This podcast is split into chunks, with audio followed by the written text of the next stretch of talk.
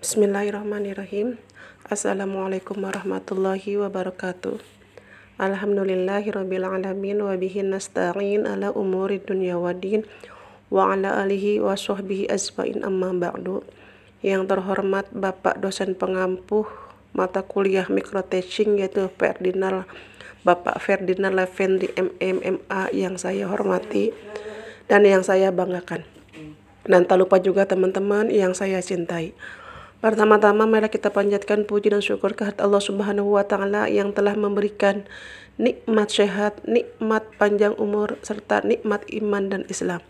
Salawat serta salam senantiasa dicurahkan kepada Nabi Muhammad Shallallahu alaihi wasallam. Teman-teman yang saya cintai, kami dari kelompok 6 terdiri dari Azami Rizik, kedua Rio, ketiga Vina, keempat saya sendiri Situ Yumnah akan memaparkan makalah kami terdiri dari empat sesi yang pertama sesi pembukaan, yang kedua pembahasan, yang ketiga tanya jawab, yang keempat penutup. Baik, saya akan menjelaskan pengertian komunikasi. Komunikasi merupakan aktivitas aktivitas dasar manusia dengan berkomunikasi. Manusia dapat saling berhubungan satu sama lain, baik dalam kehidupan sehari-hari, di masyarakat, di rumah, tetangga, dan tempat pekerjaan. Kesimpulan bahwa komunikasi adalah suatu penyempurnaan atau penyampaian pesan yang bertujuan untuk membuat sama persepsi atau arti antara komunikator dan komunikan. A. Fungsi komunikasi. Dedi Mulyana dalam bukunya Ilmu Komunikasi Suatu Pengantar mengutip kerangka berpikir film Golden mengenai fungsi-fungsi komunikasi yang dibagi menjadi empat bagian. Satu, fungsi komunikasi sosial. Dua, fungsi komunikasi ekspresif. Tiga, fungsi komunikasi ritual. Empat, fungsi komunikasi instrumental. Demikian tadi uh, pembahasan dari saya, maka akan dilanjutkan oleh teman saya. Demikian dari saya. Wassalamualaikum warahmatullahi wabarakatuh. Assalamualaikum warahmatullahi wabarakatuh. Baik, saya akan menjelaskan yang bagian yang kedua, pengertian motivasi. Istilah motivasi berpangkal dari kata motif yang dapat diartikan sebagai daya penggerak yang ada di dalam diri seseorang untuk melakukan aktivitas-aktivitas tertentu demi tercapainya suatu tujuan. Bahkan motif dapat diartikan sebagai suatu kondisi kesiapsiagaan. Adapun menurut May Donald dalam Sadirman 1986, motivasi adalah perubahan energi dalam diri seseorang yang ditandai dengan munculnya feeling dan didahului dengan tanggapan terhadap adanya tujuan. Dari pengertian yang dikemukakan oleh Mi Donald ini mengandung tiga elemen, atau ciri pokok dalam motivasi, yakni motivasi ini mengawali terjadinya perubahan energi, ditandai dengan adanya feeling dan dirangsang karena adanya tujuan. Motivasi sangat diperlukan di dalam kegiatan belajar, tidak akan mungkin melakukan aktivitas belajar.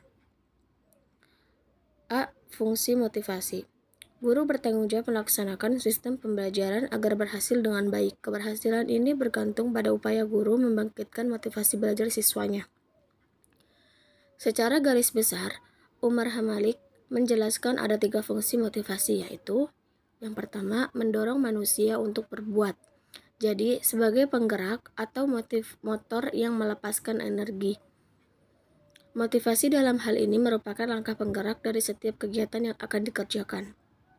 Yang kedua, menentukan arah perbuatan, yakni ke arah tujuan yang hendak dicapai. Dengan demikian, motivasi dapat memberikan arah dan kegiatan yang harus dikerjakan sesuai dengan rumusan tujuannya. Yang ketiga, menyeleksi perbuatan, yakni menentukan perbuatan-perbuatan yang harus dikerjakan yang serasi guna mencapai tujuan dengan menyisihkan perbuatan-perbuatan yang tidak bermanfaat bagi tujuan tersebut. B. Strategi menumbuhkan motivasi belajar.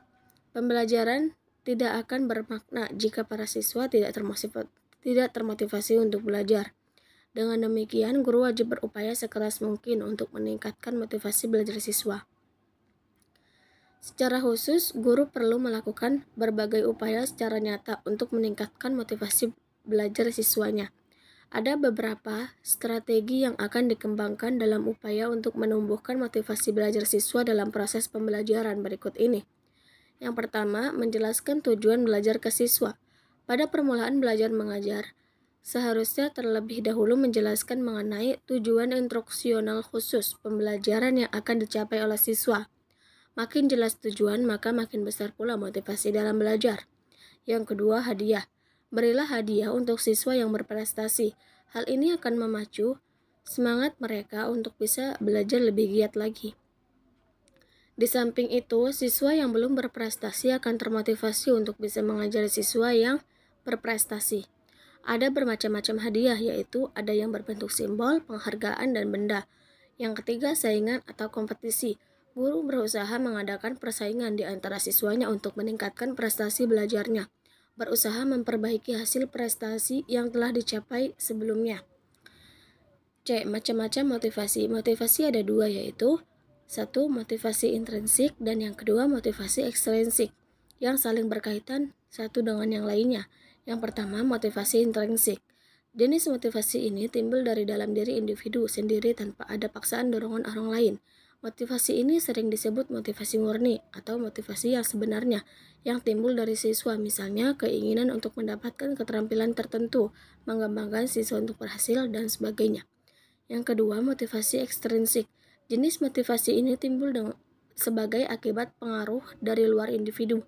Apakah karena adanya ajakan, suruhan, atau paksaan dari orang lain sehingga keadaan demikian siswa maupun mau melakukan sesuatu.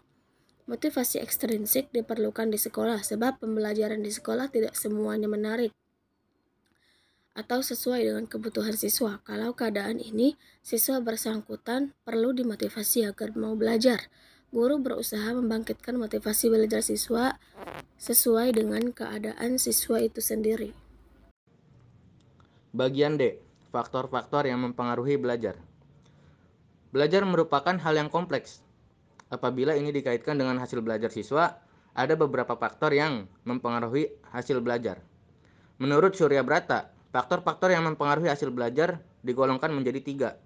Yang pertama faktor dari dalam, yang kedua faktor dari luar, dan yang terakhir yang ketiga faktor instrumen. Adapun faktor dari dalam yaitu faktor-faktor yang dapat mempengaruhi belajar yang berasal dari siswa itu sendiri.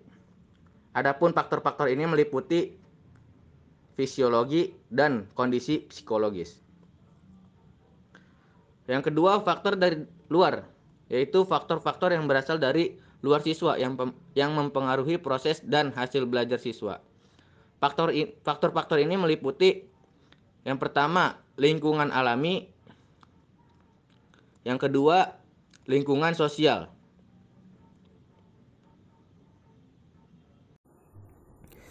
Teori dan prinsip-prinsip motivasi Lotkowski dalam Suciati tahun 2021 nomor 25 menjelaskan motivasi sebagai suatu kondisi yang menyebabkan atau menimbulkan perilaku tertentu serta yang memberi arah dan ketahanan. Pada tingkah laku tersebut sementara Ames dan Ames Suciati eh, nomor du, tahun 2021 menjelaskan motivasi sebagai perspektif yang dimiliki seseorang mengenai dirinya sendiri dan lingkungannya. Menurut definisi ini, konsep diri yang positif akan menjadi motor penggerak bagi kemauan seseorang. Dalam proses belajar, motivasi seseorang tercemin melalui ketekunan yang di yang tidak mudah patah untuk mencapai sukses meskipun dihadang banyak kesulitan.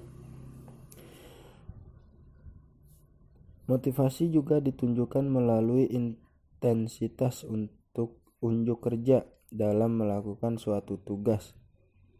Dari berbagai teori yang berkembang, Claire tahun 1983 telah menyusun seperangkat prinsip-prinsip motivasi yang dapat diterapkan dalam proses pembelajaran yang disebut sebagai model ARCS. Yang pertama itu perhatian. Peserta didik muncul karena didorong rasa ingin tahu. Oleh sebab itu, rasa ingin tahu ini perlu mendapat rangsangan sehingga peserta didik akan memberi perhatian selama proses pembelajaran. Yang kedua, relevansi menunjukkan adanya hubungan materi pembelajaran dengan kebutuhan dan kondisi peserta didik. Yang ketiga itu percaya diri. Merasa dirinya kompeten atau mampu merupakan potensi untuk dapat berinteraksi secara positif dengan lingkungannya. Prinsip yang berlaku dalam hal ini adalah bahwa motivasi akan meningkatkan sejalan dan meningkatkannya harapan untuk berhasil. Yang keempat itu kepuasan. Keberhasilan dalam mencapai suatu tujuan akan menghasilkan kepuasan karena kepuasan itu mencapai tujuan dipengaruhi oleh konsekuensi yang diterima baik da, baik yang berasal dari dalam maupun dari luar individu. Yang terakhir, bab ketiga itu penutup.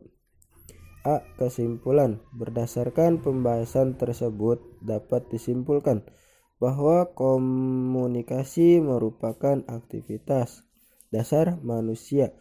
Dengan berkomunikasi itu, manusia dapat saling berhubungan satu sama lain, baik dalam kehidupan sehari-hari, di rumah tangga, di tempat pekerjaan, di pasar, dalam masyarakat atau di mana saja manusia itu berada. Tidak ada manusia yang tidak akan terlibat dalam komunikasi, karena komunikasi itu sangat penting bagi kehidupan manusia. Berkembangnya pengetahuan manusia dari hari ke hari karena dia melaksana, melakukan komunikasi. Istilah motivasi itu berpangkal dari kata motif yang dapat diartikan sebagai daya penggerak yang ada dalam diri seseorang untuk melakukan aktivitas-aktivitas tertentu demi tercapainya suatu tujuan. Bahkan motif dalam dapat diartikan sebagai suatu kondisi kesiap siagaan. Adapun menurut Mas Donald dalam Sadirman tahun 1986 motivasi adalah perubahan energi dalam diri seseorang yang ditandai dengan munculnya flying dan didahului dengan tanggapan terhadap adanya tujuan